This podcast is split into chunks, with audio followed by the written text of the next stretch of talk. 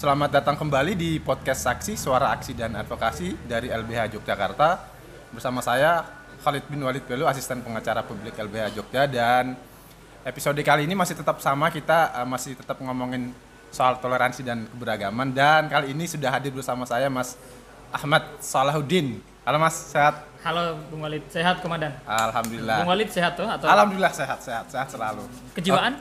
Alhamdulillah sehat. Oh, Kali iya. nggak yakin sehat atau enggak Iya, ya? siapa Belum pernah dites nih. Oke Mas, eh, Mas Ahmad ini sebenarnya udah eh, melanglang buana dan ngomongin soal perdamaian kalau nggak salah ya. Dan toleransi lintas iman lah seluruh Indonesia. Kalau nggak salah sih, menurut CV-nya segitu. Bener nggak Mas? CV-nya. Bener nggak sih Mas? Kayaknya iya. Kayaknya Mudah-mudahan iya. CV saya nggak bohong ya. Oke, tapi yang paling menarik itu backgroundnya Mas eh, Ahmad ini Hmm. soal kan kuliahnya di tafsir ilmu tafsir Al-Quran ya, Insya satu Allah, Mas. Win Suka, Win Sunan Suka. Kalijaga, tapi yang agak nggak aneh juga sih sebenarnya. Tapi menurutku agak agak aneh ya. Gila Tapi sih S2-nya sebenarnya, Mas. gila ya. Iya, iya. S2-nya di teologi, mas, magister teologi di UK apa sih Mas kampusnya? Universitas Kristen. Oke. Kok ngeri banget ya? Kok Iya. bisa ya? Kok kok menarik? Ini ini menarik banget sih Mas. Tapi gimana caranya kok bisa ya dari S1-nya tafsir Al-Quran dan S2-nya tuh lompatnya Jadi tafsir mimpi. tafsir tafsir Tafsir mimpi. nah, Oke, ngeri. sekolah teologi guys. Kok bisa diceritain Mas kok bisa ya? Maksudnya dari Al-Quran terus teologi gimana bisa gitu? Eh, karena saya daftar. Oke. Iya, ya, ya, daftar. masuk akal. Iya, ya, iya. ya. Ya, ya memang begitu. Kalau tidak mendaftar kan tidak Iya, diterima iya, dong. iya. Jadi mendaftar dulu, alhamdulillah diterima. Iya, iya, iya, betul, betul, Meskipun betul. ancamannya ditulis dari kartu keluarga ya. Oke, Karena- tapi udah. Ah, belum, jangan Oh, bos. belum. Ya, jangan ya, karena beasiswa saya itu kan dari orang tua ya. Oh iya, iya, iya. Oke, oke. awalnya jadi dari kampus UI Universitas Islam menjadi UK Universitas Kristen Oke. dan sebetulnya karena memang lama berkecimpung di dunia interfaith terus eh, diskusi-diskusi lintas iman lama lalu gara-gara interaksi itu saya merasa oh kayaknya butuh sekolah dalam tanda kutip. Maksudnya sekolah formal dan di sumber primer jadi kuliah di kampus Kristen ya jadi tidak kuliah di kampus non Kristen tapi belajar Kristen gitu. Nah bagi saya sumber primer itu penting. Sehingga eh, saya langsung aja masuk di ring satu dalam tanda kutip untuk belajar ya teologi Kristen. Selama ini dialog yang saya bangun antara eh, Islam dan Kristen sih secara khusus. Oke, oke. meskipun ya studi agama-agama saya juga belajar gitu. itu itu sekilas. Oke. ya sisanya adalah ancaman-ancaman dari keluarga. Ah kamu masuk Kristen Oh, gitu. itu ancaman-ancaman yang oke, saya rasa itu template saya kekhawatiran yang yang Oke. yang standar yang dimiliki oleh keluarga-keluarga yang memang notabene Islam semua.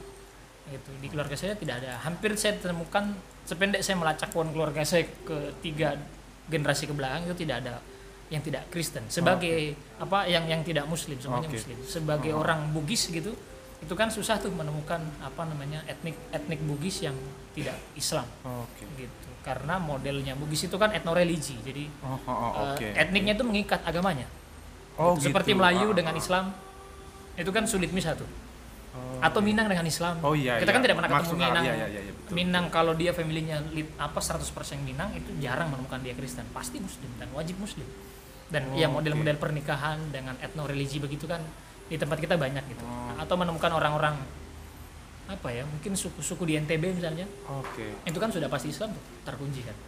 Atau bahkan orang Madura kali.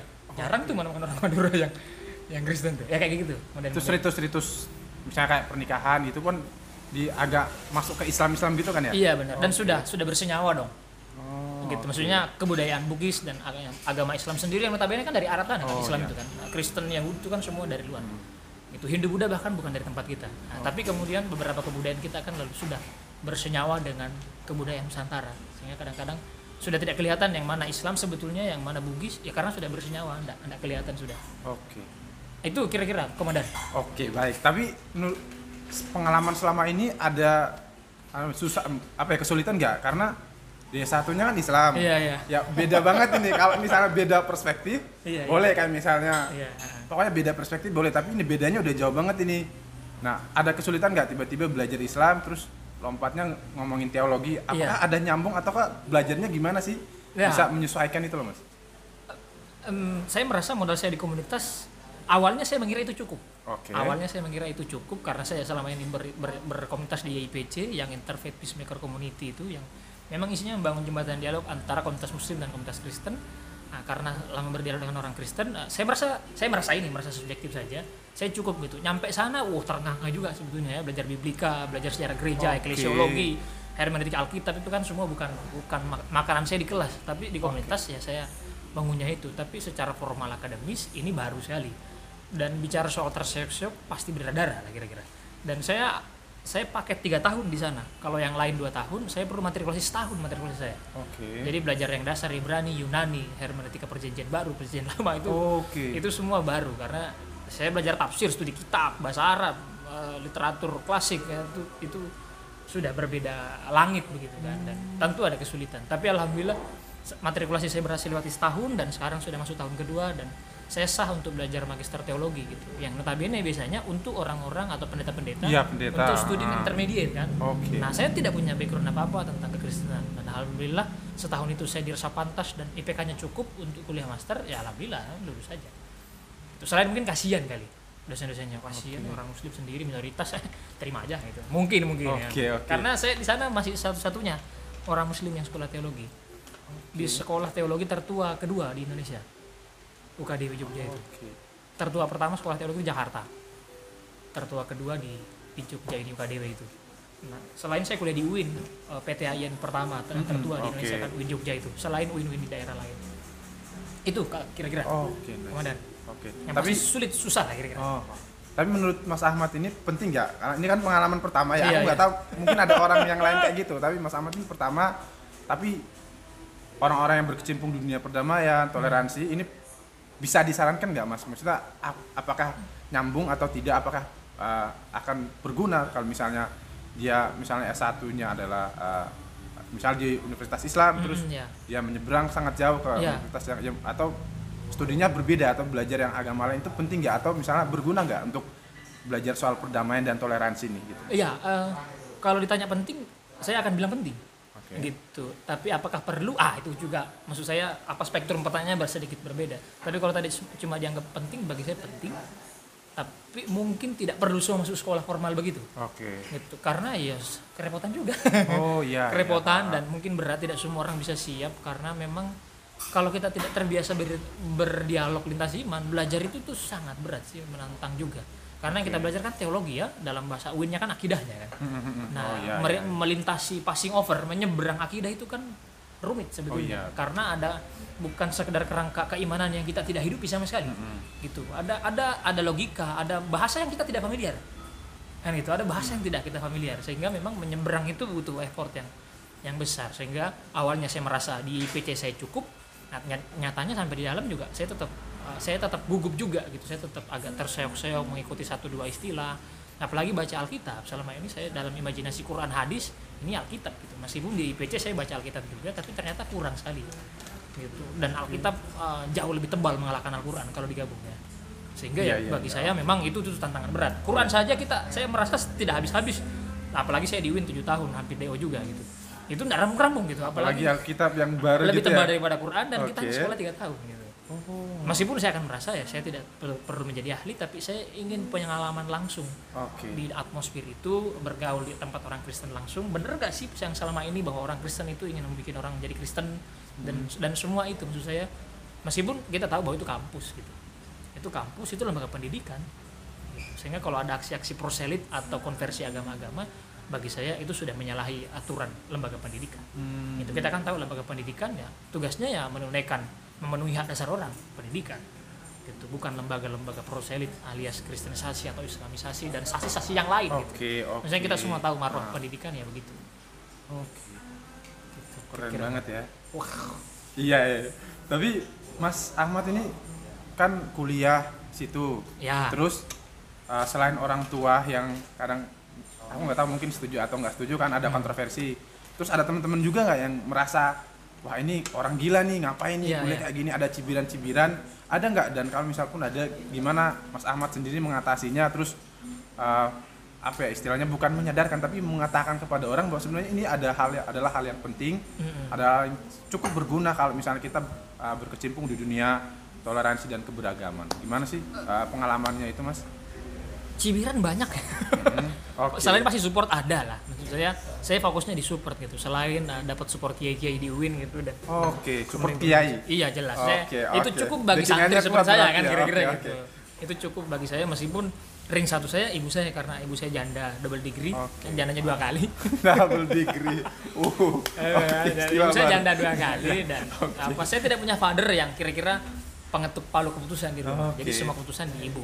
Nah, awalnya doi nggak sepakat gitu. Baru belakangan saya berusaha meyakinkan karena saya eh, bersyukur saja ibu saya mengajari saya demokrasi paling pertama di keluarga. Jadi Hmm. ibu saya a- a- awalnya kalau ketika mau sekolah mau merantau juga di Jogja ibu saya selalu bilang ah, kamu yang mau sekolah kamu yang mau kuliah kamu yang jalan hidupmu kamu yang memilih dong Oke. Nah, gitu.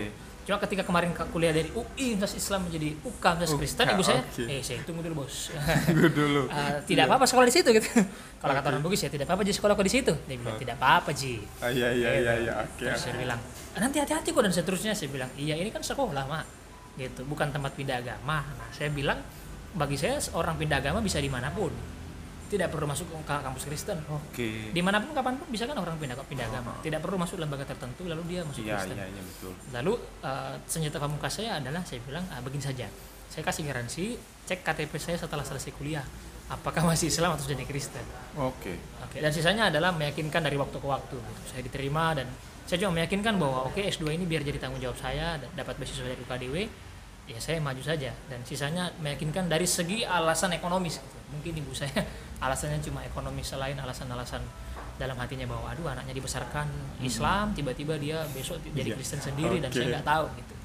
Nah, saya mengendus eh, saya melihat kecurigaan ibu saya itu di situ. Oh, ha. Sisanya saya cuma meyakinkan itu dan setelahnya setelah itu saya nggak peduli orang lain, tetangga, tante-tante saya juga banyak gitu dan dan konflik-konflik itu dan om-om saya juga juga banyak tidak sepakat gitu macam-macam menolak saya.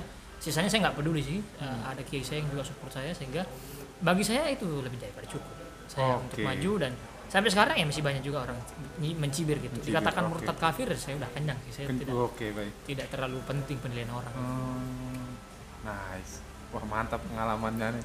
Keren banget. Ya ya ya siap siap. Jadi Mas lanjut nih Hmm. eh, soal toleransi. Jadi Ya. Mas ini kan udah lama nih. Jadi menurut Mas Ahmad ini apa namanya penting gak sih toleransi buat anak muda dan eh, sebenarnya menurut bagi Ma- Mas Ahmad itu apa sih eh, toleransi dan untuk apa orang itu harus bertoleransi? Gitu. kalau saya hemat saya secara pribadi sebetulnya saya mungkin sejak lama sudah tidak menggunakan istilah toleransi ya Oke. meskipun menurut saya kalau Oke. toleransi itu dirujuk dari bahasa Latin kalau saya tidak Aha. salah kan artinya pembiaran ya dari kata tolerare artinya ya mem- membiarkan gitu. Nah dalam logika saya eh, mungkin selama lamanya iman ya sampai situ sih toleransi. Oke. Jadi kita biarkan orang berbeda, biarin aja Oh, gitu saya, saya dalam dalam kera- kerangka berpikir saya itu selama lamanya toleransi kalau istilah itu dipakai gitu toleransi gitu sementara dalam dalam kerangka berpikir saya selanjutnya adalah bagi saya butuh penerimaan rekognisi gitu. Oke, rekor. karena kita tidak membiarkan orang yang berbeda gitu justru kita terima orang bahwa dia yang berbeda gitu ya sudah diterima Hmm. gitu karena selama ini dianggap orang berbeda kita tidak siap kita reject dia gitu Oke. jadi kok nggak sama-sama saya? Oh, kok ada orang sih yang menyembah Yesus gitu? Itu kok ada sih orang berdoa di depannya patung Buddha gitu? Oh, itu namanya toleransi gitu ya. pada Ada pada level gitu yang ya? lamanya iman tadi itu ya dibiarkan saja gitu. Oke. Dalam logika selama ini kan kita lihat makanya kemudian di dalam salah satu teori ada yang disebut lazy tolerant gitu. Oh, les itu. Oke. Jadi ya dia malas aja sebetulnya. Maksudnya dia biarkan saja gitu. Sehingga dia akan sampai pada satu adagium bahwa eh, lu lu selama lu nggak ganggu gua, gua nggak ganggu lu kira-kira. Oke. itu kan selama lamanya iman gitu. Sampai dia dicolek dia nggak nyolek orang. Sampai di situ beberapa orang itu cukup. Tapi bagi saya dalam konteks Indonesia hari ini yang banyak sekali jumlahnya kita ini dengan banyak keragaman yang tidak bisa ditolak adalah ya perbedaan itu di- diterima gitu. Ada ada proses rekognisi di situ. Oke. sehingga bagi saya tidak membiarkan perbedaan itu tapi justru kemudian setelah diterima kita mengadakan perbedaan itu Oke. jadi tidak sekedar membiarkan orang bangun rumah ibadah di situ di seberang rumah kita tapi kita bantu dia Hmm, hmm, itu adalah bentuk kita menerima dia gitu Oke. itu itu ini itu kira-kira dalam imajinasi kecil saya Oke. tentang toleransi kalau lagi-lagi itu dipakai sehingga memang lagi-lagi di satu teori lagi ada yang ngomong lalu setelah tadi lazy tolerant Mhm. dari lazy tolerant itulah nanti akan menghasilkan negative peace gitu perdamaian yang damai yang semu saja gitu di Indonesia kan kita akan lihat orang-orang itu tidak saling baku pukul secara fisik tapi kan di dalam hati kan dia nyinyir tetangganya gitu awas aja besok kalau nambah gereja sebelah situ misalnya. Oh, oh iya. Nah, itu kan begitu betul. membahara dia tapi di dalam liputan data-data tidak ada konflik horizontal yang fisik Oke. udah damai-damai aja tuh ya itu negatif peace gitu sampai ada gereja tiba-tiba membara berarti selama ini kedamaiannya semua aja Oh iya. ya itu berarti dampak dari orang yang Ya, ya. toleran Nega- peace negatif gitu peace ya? gitu ya Oke, negatif peace jadi perdamaian Oke. yang negatif sementara kita ingin berangkat dari negatif peace ke positif peace gitu. Oke. Oh, ketika besok ada orang yang ingin bangun rumah ibadah yang berbeda rumah ibadahnya dengan kita, ya kita bantu mengadakan eksistensi dia yang berbeda tadi itu. Oh, Oh, dia oke. mau bikin gereja, ya kita bantu. Bantu, bukan Minimal bukan- bantu uang, Ah, oke. bantu tenaga. Seperti kita apa? Bukan dicuekin apa- gitu nggak ya? iya, Oke. Iya, gitu. Ah, dia biarin aja itu itu rumah ibadah dia saya nggak ada urusan gitu. Ya itu negatif. Itu Oh. itu negatif apa da- gaya gaya toleran begitu yang akan menghasilkan perdamaian yang negatif. Sementara yang kita ingin bayangkan di di Indonesia kita ini yang punya PBNU itu Pancasila Bhinneka Tunggal Ika dan seterusnya itu undang-undang dasar ya kita kan membayangkan bahwa orang-orang berbeda itu diterima dirayakan juga apalagi gitu. sehingga nanti menghasilkan perdamaian yang positif gitu, Mm-mm. positif peace Oke. gitu. Sehingga ya itu yang menurut saya lebih cocok untuk kita lakukan hari ini bukan pembiaran-pembiaran. Sehingga besok ketika ada konflik di sana ada gereja gitu. Terus kita akan bilang kenapa kok ada gereja? Oke. jadi kita nggak perlu lagi punya ketakutan "Wah, ada gereja ya? Waduh nanti jadi Kristen semua di tetangga saya gitu. Ya apa urusannya gitu. Kita sudah selesai dengan prasangka tapi hari ini kan ya yang menjadi tembok kita ya prasangka gitu. Orang baru niat bikin gereja sejak kita sudah panas gitu. Iya, oh ada betul, gereja ya betul, nanti ada kristenisasi. Apa bener Iya, iya, iya, gitu betul, apa bener betul, iya? betul. Gitu. Kamu kira orang bikin gereja gampang? Ya lama loh. Kok kira orang masuk Kristen? Sebentar tinggal bilang apa percaya sama Yesus terus auto Iya, Kristen? betul. gitu. Saya bilang nah tanya orang Kristen di situ. Tanya orang Katolik. Mereka butuh kate- katekisasi alias pendidikan dasar untuk masuk Kristen gitu. Hmm. Oke. tidak sekadar Oh, asyhadu la ilaha illallah asyhadu anna muhammadar rasulullah. Dan yang muslim eh, orang Islam juga akan merasa tidak di bibir saja kan Prosesnya rumit ya gitu ya? panjang, Panjang apalagi berarti. gereja Katolik Oke. pakai sekolah ya. Oke. dan kalau tidak lulus diulangi lagi bos. Ya ada jadi ijazahnya lama, gitu ya? lama lama. Orang-orang kan mikirnya wah nanti tinggal apa namanya ikut Yesus dia selamat. Eh bos tanya orang Kristen rumit? Rumit.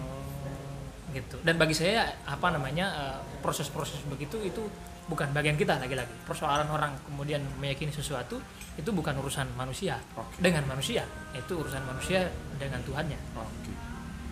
kira-kira begitu. Oke, nah gini Mas, selanjutnya ini um, gimana sih ada tips atau uh, cara membangun semangat kesadaran? uh, kita nggak sebut lagi toleransi tapi rekognisi itu ke anak-anak muda atau milenial di, di era misalnya politik identitasnya makin kuat, Iya, iya. orang uh, segregasinya makin kuat. Apa sih tipsnya dan caranya membangun rekognisi itu sesama anak muda biar mereka makin sadar itu loh, makin aware bahwa oh orang lain itu sebenarnya ya kita itu uh, ya sesama manusia Iya, iya, iya. menghargai itu loh apa namanya pilihan mereka tuh gimana ya mas? A- aku rasa ya ya Gen Z sama milenial kan hari ini Mm-mm. hampir menghuni lebih dari setengah ya Gen Z kalau BPS kemarin kan Gen Z itu 27 persen milenial 25 persen gitu. Sehingga paling tidak dua ini gabung itu sudah 50 lebih gitu populasi di Indonesia gitu. Dan bagi saya kita bertaruh dengan uh, klaster Gen Z dan klaster milenial gitu di Indonesia. Nah bagi saya watak milenial dan watak Gen Z sebetulnya adalah watak-watak yang lahir belakangan yang sudah generasi Android gitu. Yang lahir itu nggak pakai ari-ari Oke. lahirnya pakai kabel charger gitu. Keluar pakai USB kan anak-anak milenial apalagi Gen Z gitu. Jadi mereka sudah melek dengan keterbukaan informasi gitu. Mungkin beda dengan kita dulu gitu. Anak-anak sekarang lahir itu kan sudah bisa melihat apa keragaman di depan mata kita di depan mata dia gitu. Kalau kita dulu kan sampai ada tetangga kita berbeda di, di samping rumah itu kita baru lihat keragaman gitu. Bayangkan kita hidup di satu desa muslim misalnya dan tidak ada akses informasi kayak gadget kita nggak tahu dunia luar itu kayak Iya, gimana sih betul, modelnya betul, kan? betul. sehingga kita akan berpikir kayaknya semua dunia itu orang Islam semua deh. Oh iya.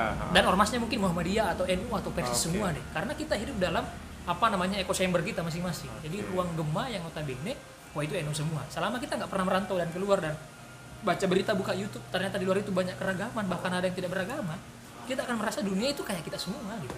Oke. pas kita keluar dan tiba-tiba ketemu berbeda kita akan pasti bertanya kok bisa begitu ya? Eh, kok nggak sama dengan keyakinan saya dan seterusnya gitu.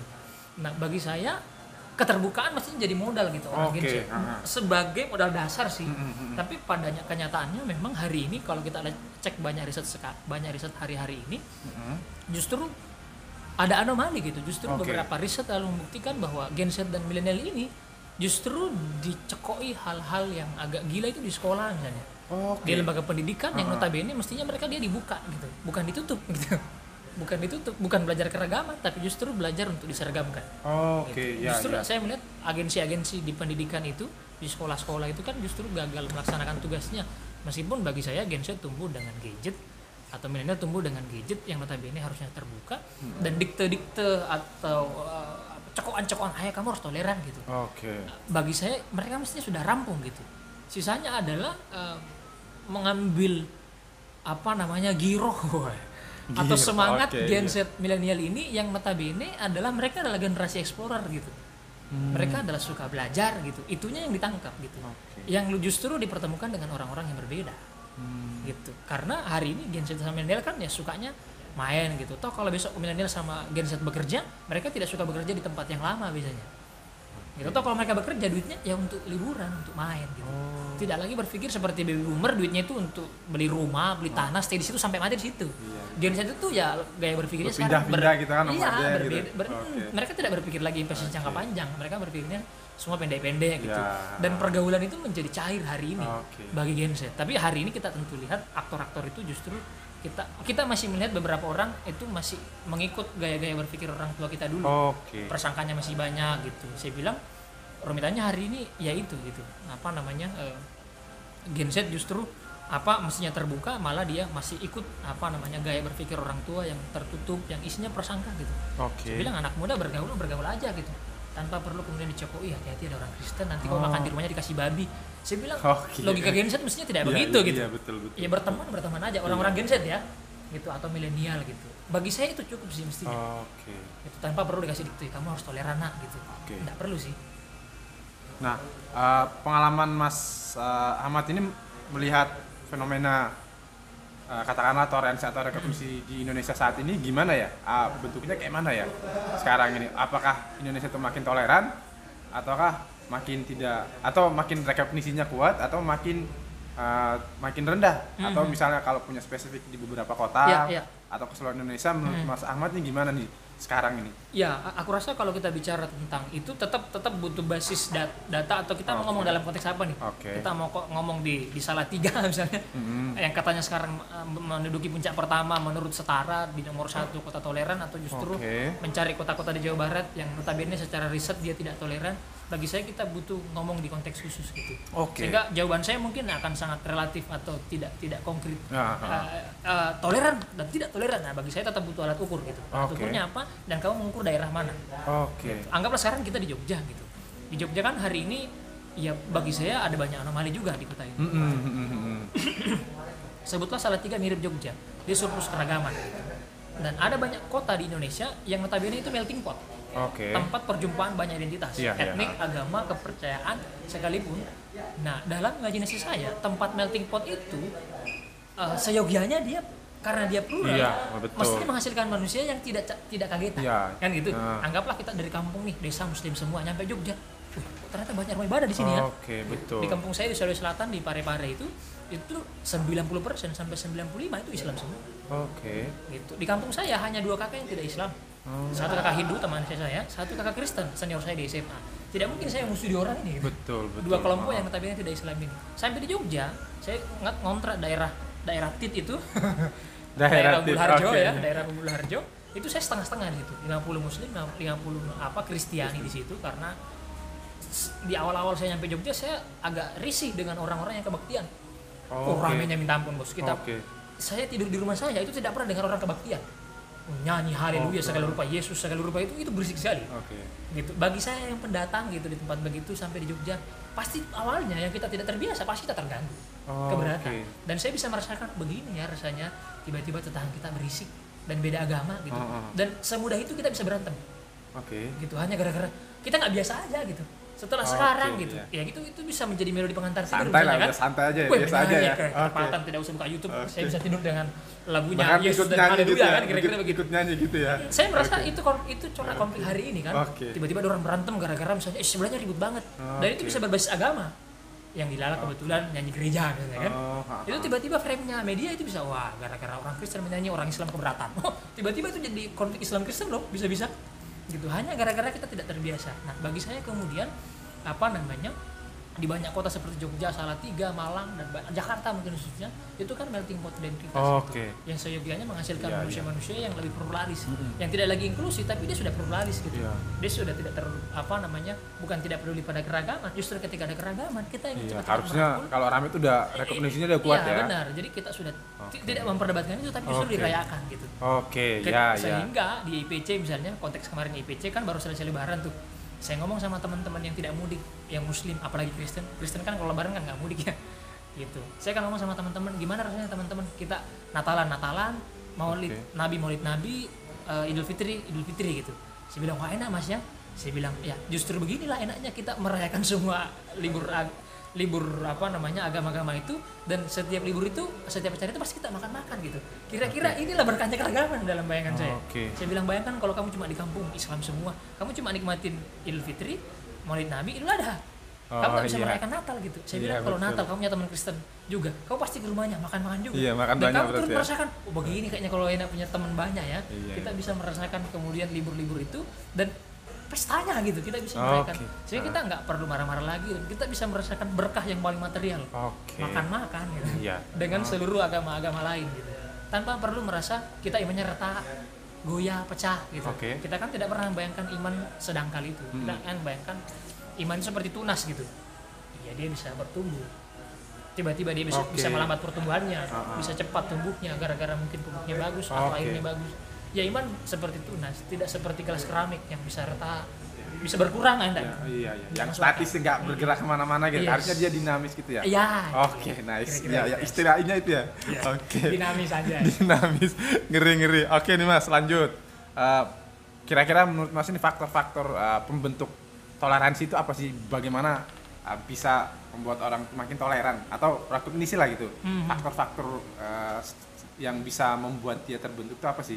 Selama ini menurut eh, Mhm. pengalaman Mas Ahmad. Eh, menurut saya faktor level pertama adalah perjumpaan Oke, perjumpaan. Oke. yang kedua adalah percakapan yang jujur sih Oh, oh, oke. gitu Eh, ini ini pengalaman saya di IPC gitu ya saya baru di IP baru tujuh tahun di sana menginisiasi komunitas ini dan eh, saya ingin cerita satu pengalaman singkat saja Oke. Em, saya merasa ada permasalahan di dalam relasi Islam Kristen paling paling khusus di Indonesia paling tidak waktu dari 2014 saya fasilitasi peace camp di Madura waktu itu saya bertemu dengan korban Ambon dia seorang perempuan Kristen Oke. gitu. Waktu itu ada satu sesi, sesi sharing eh, di dalam modul yang kami pelajari dalam peace camp yang live in tiga hari dua malam, kami belajar tentang eh, memaafkan dan memberi maaf. Hmm, Gitu. Eh, bagi saya setelah orang berjumpa ada butuh percakapan yang jujur di situ. Oke. Karena ah. apa butuh jujur? Karena bagi saya hal-hal yang dibangun di atas kebohongan itu pondasinya tidak kokoh Oh iya. gitu. Ah, ah. Sehingga bagi saya komunikasi yang jujur atau percakapan yang jujur bagi saya itu adalah kekokohan relasi kita Mm-mm. gitu Eh, dan di semua relasi gitu mau dia hubungan romantis ala ala pasangan apa pun apalagi dialog dialog agama bagi saya kok apa fondasi komunikasi yang bagus adalah jujur waktu itu dia sharing karena waktu itu kami ingin minta peserta membagikan pengalaman dia memaafkan orang lain ya waktu itu sesi memaafkan mengampuni dan dia sharing ternyata sebaliknya dia ingin Oke. sharing dia belum mengampuni orang yang membunuh ayahnya Oke. Itu dari 30 orang situ Islam Kristen. Tiba-tiba dia ngomong gitu. Sejenak ya forumnya langsung hening dong. Eh ini bukan main-main dia cerita Iya, pembunuhan. betul. betul Oke. ya bener aja nih dia cerita pengalaman dia dan dia orang Ambon perempuan Kristen. Dan di di waktu itu dia bagikan pengalaman dia masih kecil. Ayahnya ditebas di depan muka dia. Subuh subuh dia masih hafal pakaian orang. Dia Oke. masih hafal audio audio yang masuk telinganya. Teriak-teriak. Allahu Akbar. Dan macam-macam gitu kita tahu bagaimana Ambon sangat mencekamnya ya Iya, daerah ha, itu ha. bunyi tiang listrik kan orang Ambon Iya, sangat trauma betul, sekali misalnya betul, betul, yang betul. mengalami itu yang Betul. paham atmosfernya Betul. yang paham visualisasi Hmm. bahkan audio yang terekam baik nah teman ini membagikan itu sambil menangis dan saya saya merasa di titik itu saya merasa punya PR sebagai Oke. seorang muslim dan anggaplah waktu itu eh, dia ingin menuju satu komunitas dan waktu itu kami ingin membahas tentang memaafkan gitu kita ingin dia mestinya dia bagi memaafkan ternyata dia membagikan pengalaman yang terbalik dan dia belum selesai Oke. saya bilang ya sudah kalau gitu kita ingin membangun rekonsiliasi di antara kita dan saya bilang eh, anggap eh, anggaplah eh, sebutlah itu yang membunuh ayah kamu misalnya orang yang mengaku muslim saya bilang saya muslim Oke. kamu apa sekarang Gitu. Ah, oke saya muslim ya saya ingin minta maaf sama kamu kalau Oke. memang dia dulu mengaku muslim saya bilang saya juga muslim saya ingin minta maaf Oke. gitu nah bagi saya setelah perjumpaan dan percakapan yang jujur bagi saya healing trauma adalah nomor tiga jadi ketika ada orang yang pernah mengalami luka sakit hati bagi saya itu perlu dibicarakan bukan didiamkan karena Oke. bagi saya ada banyak konflik justru terha- adalah akumulasi luka-luka masyarakat Oke. kan kira-kira gitu mungkin dia pernah punya trauma masa kecil lalu dia trauma dengan orang muslim dan orang kristen bagi saya pada dirinya trauma itu sah Gitu. kita tidak bisa meng- menghilangkan traumanya orang Oke. sampai dia dibicarakan dia dan diobati bareng-bareng Dan bagi saya itu kunci hari ini untuk kemudian membangun positifis itu Oke. tidak sekedar toleransi yang kita biarkan saja orang lain ngapain Baik. ah. ya justru kita terima orang lain apa adanya tanpa syarat Oke. gitu. saya terima kamu tapi kau Islam dulu eh tidak bisa Iya, nggak iya, bisa iya. bagaimana caranya memerayakan keragaman betul, betul, betul, kalau betul. dikasih orang syarat gitu. Itu namanya seragam ya gitu Ah, ya. boleh tapi kamu jangan bikin gereja eh tidak bisa Oke. Gitu. Oke. bagi saya kita akan menerima orang dengan segala macam keunikan dia Oke. maksudnya beribadahnya harus rame-rame harus teriak-teriak ya harus pakai drum band ya monggo Hmm. Betul betul. Harus pakai bass harus rame ya tidak apa Oke. kita akan terima orang dengan segala kompleksitasnya gitu. sehingga ya kita akan menuju ke ke penerimaan tidak sekedar toleransi yang udah biarin aja dia mau mati Iya, udah terserah betul, dia betul. saya bilang tidak dia adalah keluarga kita Rekognisi gitu ya Iya. kan. Oke. dia adalah manusia juga gitu iya semua manusia pasti kebutuhan dasarnya ya diterima disayangi itu bukan sekedar nasi udara dan kuota Oke, nice. dia butuh Oke, diterima oke. gitu. dia butuh disayangi itu aja aku rasa dan manusia itu yang dicari dibutuhkan Oke. Baik, terima kasih Mas Ahmad Eh, cukup mendalam sekali dan eh, aku merasa hari ini dapat banyak ilmu dan banyak istilah juga sebenarnya. Jadi harusnya toleransi diganti dengan rekognisi ya, karena kalau toleransi itu menciptakan batasan gitu kan, Hmm. ada garis batas yang membuat eh, orang sesama orang itu sulit melompati garis itu kan. Tapi Iya. kalau penerimaan itu batasnya dihilangkan dan jadi cair banget gitu Iya, ya. Oke, baik. Terima kasih Mas oke Ahmad siap. untuk ya sharing-sharingnya. Eh, terima kasih juga untuk teman-teman yang sudah mendengarkan podcast Saksi, Suara Aksi dan Advokasi dari LBH Yogyakarta. Dan sampai jumpa di episode selanjutnya. Dan salam toleransi. salam toleransi. Horas